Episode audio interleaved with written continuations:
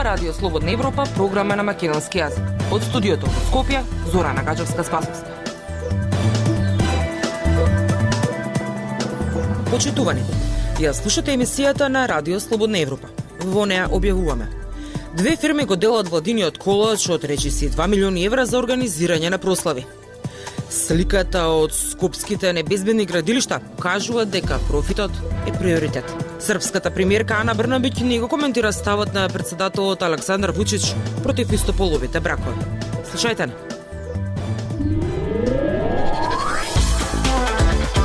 Независни вести и анализи за иднината на Македонија на Радио Слободна Европа и слободнаевропа.мк.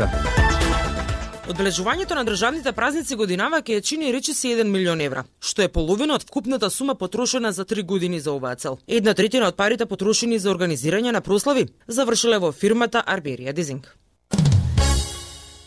Во изминативе три години од државната каса се одвоени и речиси 2 милиони евра само за прослави и одбележување на државни празници, покажуваат податоците од Бирото за јавни набавки. Само годинава за одбележување на 6 државни празници и два настани како Преспа форум и Отворен Балкан се предвидени да се потрошат 999.000 евра. Тендерите за овие настани ги добиваат најчесто две компании: Арберија Дезинг и Скопје Филм Студио. Во топ 5 листата на компании кои редовно ги добиваат тендерите за организирање на владини прослави, влегува компанијата Арберија Дезинг. Според поатоците за изминативе три години на Бирото за јавни набавки, оваа компанија е редовно ангажирана за организирање на прославите за годишнините од Охридскиот рамковен договор и за прославување на денот на албанската азбука. За одбележување на овие два настани Министерството за политички систем на вице-премиерот Артан Груби за три години им исплатил 708.000 евра на Арберија Дезинг. Арберија Дезинг ги организира настаните за поставување на камен темелник за коридорите 8 и 10, за чиј надзор е задолжен токму првиот вице-премиер Груби. Тој на брифинг со новинарите посочи дека оваа свечаност ја платил изведувачот. Американско-турскиот конзорциум Бехтел Јенка. Со подпис на министерот за надворешни работи Бујар Османи, Арбиерија Дезинг доби два тендери во вредност од 180.000 евра за организирање и изнајмување на опрема за настанот Преспа форум кој се одржа на 15 и 16 јуни годинава. Најмалку 15 милиони евра во изминативе 5 години скеширала владата од буџетот за печатање на книги кон фирмата Арберија Дезинг во 2015 Оваа фирма беше најголемиот поединечен донатор на Дуј. Собственик на компанијата е Хасим Хамзи. Тендерската документација покажува дека за одбележување на државните празници 8 септември денот на независноста, 2 август Илинданско востание, 11 октомври денот на востанието на Македонија и 8 декември Свети Климент Охридски годинава се предвидени над половина милион евра од државната каса. Овој тендер го добила фирмата Скопје Филм Студија. Таа покрај одбележувањето на државните празници има за задача да го организира и настанот Отворен Балкан. Во оваа цена од над половина милион евра влегува бина опрема изведувачи за сите настани посебно и целосна организација на прославите, покажуваат документите од Бирото за јавни набавки. Дополнително генералниот секретаријат на владата склучил и посебен договор и за одбележување на 24 мај, денот на сесловенските просветители Свете Кирил и Методи, при што за овој настан биле исплатени 133.000 евра. И во двата владени тендери, единствен понудувач кој се јавил на огласот е компанијата Скопје Филм Студио, која е во собственост на Томи Салковски, продуцент и генерален секретар на Друштвото за филмски работници. Државниот ревизор годинова соопшти дека при ревизијата на Агенција за филм утврдил недоследности во доделените средства до ова друштво. Фирмата на генералниот секретар на друштвото Салковски и Лани била задолжена за организација на прославата на денот на независноста 8 септември. Но тогаш за организација на прославата оваа компанија од државата наплатила 60.000 евра.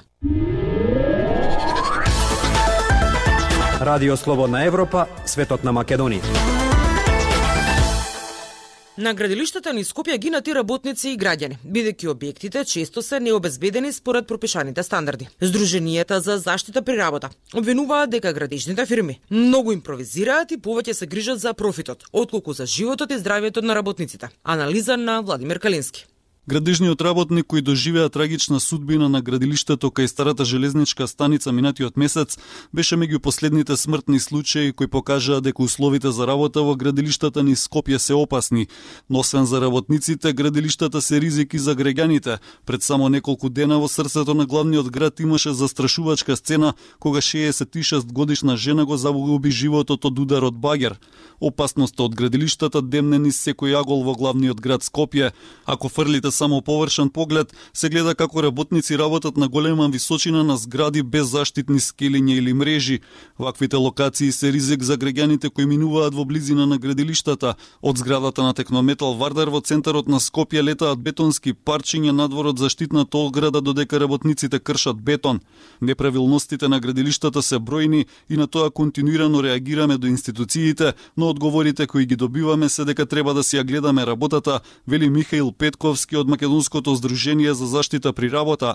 Според него, работниците се небезбедни бидејќи компаниите и инвеститорите се грижат брзо да ги завршат градбите и да заработат, а не за здравието на работниците. Па, Ако ви кажам дека анализите кои ние ги правиме на годишно ниво, а всушност се базирани на една едноставна равенка на меѓународната трудова организација, 4% од БДП не оди директно на компензации кои се директни и индиректни заради несреќите и професионалните заболувања на работното место. Тоа во бројки, ако би требало некому од менеджерите да, да поблиску да му ја доближи тема на изнесувало околу 400 милиони евра на годишно ниво. Вели Петковски, дејноста градежништво е на второ место според бројот на смртни случаи на работно место според Македонското здружение за заштита при работа од 2022 година кога имало 6 смртни случаи, истата година имало 14 несреки во оваа дејност. Од Македонското здружение за заштита при работа наведуваат дека бројките во нивните извештаи се конзервативни и дека во голема мера не го отсликуваат вистинскиот број на несреки на работното место во сите дејности, кои во просек годишно изнесуваат околу 1500 според податоците на Институтот за јавно здравје. Има многу импровизација во работата на градежните фирми кои инсистираат работата брзо да се заврши, а има и многу неквалификуван кадар, вели Никола Велковски од групацијата за градежништво при Стопанската комора и тој кажува дека голем дел од фирмите се фокусирани само на профит и на брзината за градење, за разлика од заштитата на работниците. Фирмите мора да имаат овластени инженери, раководители на градилиштето. У најголем дел они го имаат на хартија, го немаат на лице место. Тука треба исто така да се позабават и општинските и републичката или општинските инспекции. Вели Велковски, податоците на Македонското здружение за заштита при работа покажуваат дека македонскиот работник има двојно поголеми шанси да загине на работно место отколку работниците во Европската Унија. Слободна Европа. Следете на на Facebook, Twitter и YouTube. Усвојувањето на законот за истополови заедници е едно од главните барања на ЛГБТ заедницата во Србија. Слични закони во регионот усвоја Хрватска и Црнагора. Ова е втор пат председателот на Србија Александар Вучич јавно да изјави дека нема да подпише таков закон. Ана Брнавич, која е јавно декларирана ЛГБТ личност, е начело на владата на Србија од 2017, но законот за истополови партнерства не е донесен. Деталите ќе ги слушнете од Емил Златков. Ние сме граѓани на Србија и заслужуваме некој да се занимава со нашите проблеми и да не не остава настрана, изјави за Радио Слободна Европа Александра Гавриловиќ, представник на Лабрис и Дуга. Тоа е незиниот коментар на изјавата на српскиот председател Александар Вучиќ дека нема да го подпише договор за истополови бракови. Усвојувањето на законот за истополови заедници е едно од главните барања на ЛГБТ заедницата во Србија. Слични закони во регионот усвоја Хрватска и Црнагора.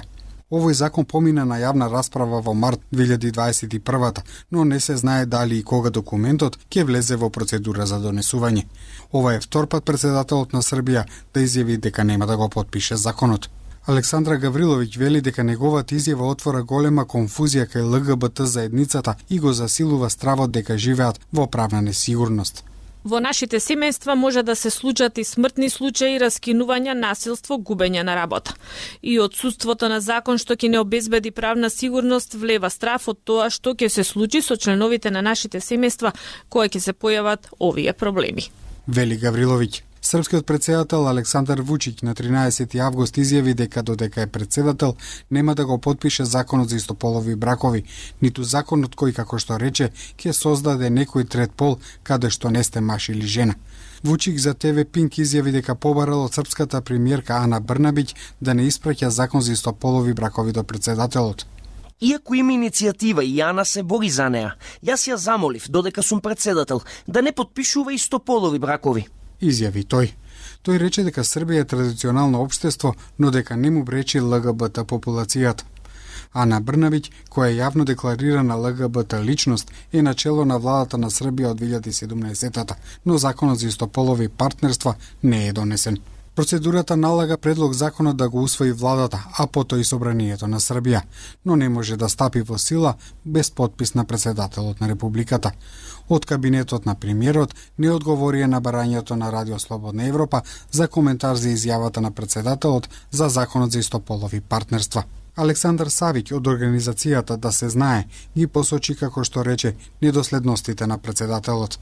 Крајно е неконзистентно што ги повикувате луѓето да сочувствуваат со ЛГБТ луѓето, на премиерката која е лесбејка и честитате раѓање на дете, а потоа не сакате да подпишете таков закон. Изјави Савиќ. Во септември 2022 по завршувањето на седницата на Советот за национална безбедност, Вучик изјави дека во своето пошироко семејство има жена која е геј и дека многу од неговите соработници се хомосексуалци.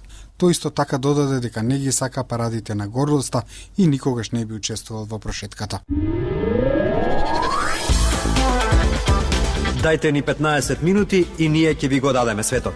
Слободна Европа.мк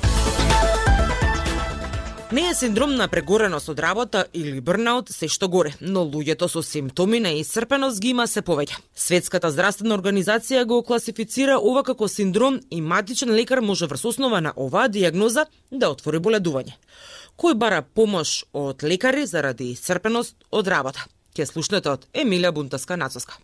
Ако се потврди дека имате состојба на витална исцрпеност од работа или burnout, според меѓународната класификација на болести МКБ-10, која ја применува и македонскиот здравствен систем, матичниот лекар може да ви отвори боледување. Оваа диагноза е дефинирана во глава 21 како поголема група на фактори кои влијаат на здравствената состојба во правилникот за критериуми на привремена спреченост од работа. За оваа диагноза, избраниот матичен лекар може да даде боледување до 7 дена, без примена на критериуми, а со извештај од специјалист до 15 дена. Стои во одговорот од Фондот за здравствено осигурување. Доктор Бојан Трајковски, кој работи како матичен лекар последниве три години, вели дека ниту еден негов пациент досега не отворил боледување на оваа основа. Бурнаут постои како дел од македонскиот шифрарник е подштушен за 73.0 и се води како исцрпеност од работа. Во мојата пракса до сега не сум отворил боледување заради тоа што постои одредени диагностички минимум кој што јас како лекар морам да ги исполнам,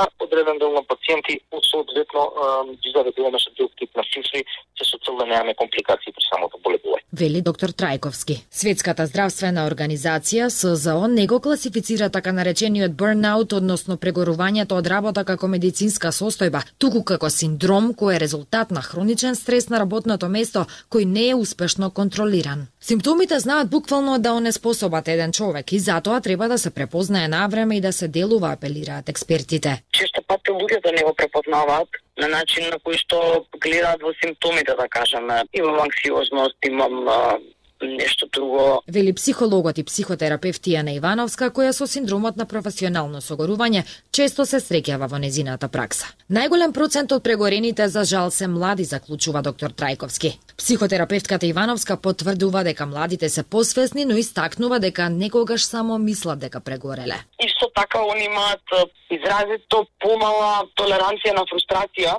често пати препознаваат брнаут во некој природен процес на стекнување на отпорност. Додава Ивановска. Како е во регионот, вработените во Црнагора не можат да земат боледување поради синдром на исцрпеност на работа или прегорување како што е дефинирано од СЗО, бидејќи црногорскиот здравствен систем тоа не го препознава. Од земјите во регионот Босна и Херцеговина го промени своето законодавство и го вклучи овој синдром во каталогот на болести, додека Србија, иако е членка на СЗО, не ја промени легислативата која би ја вклучила исцрпеноста на списокот. Во Хрватска, која е членка на Европската Унија, исто така не е променет регистарот на болести, а проблемот со исцрпеноста е евидентиран како диагноза на стрес.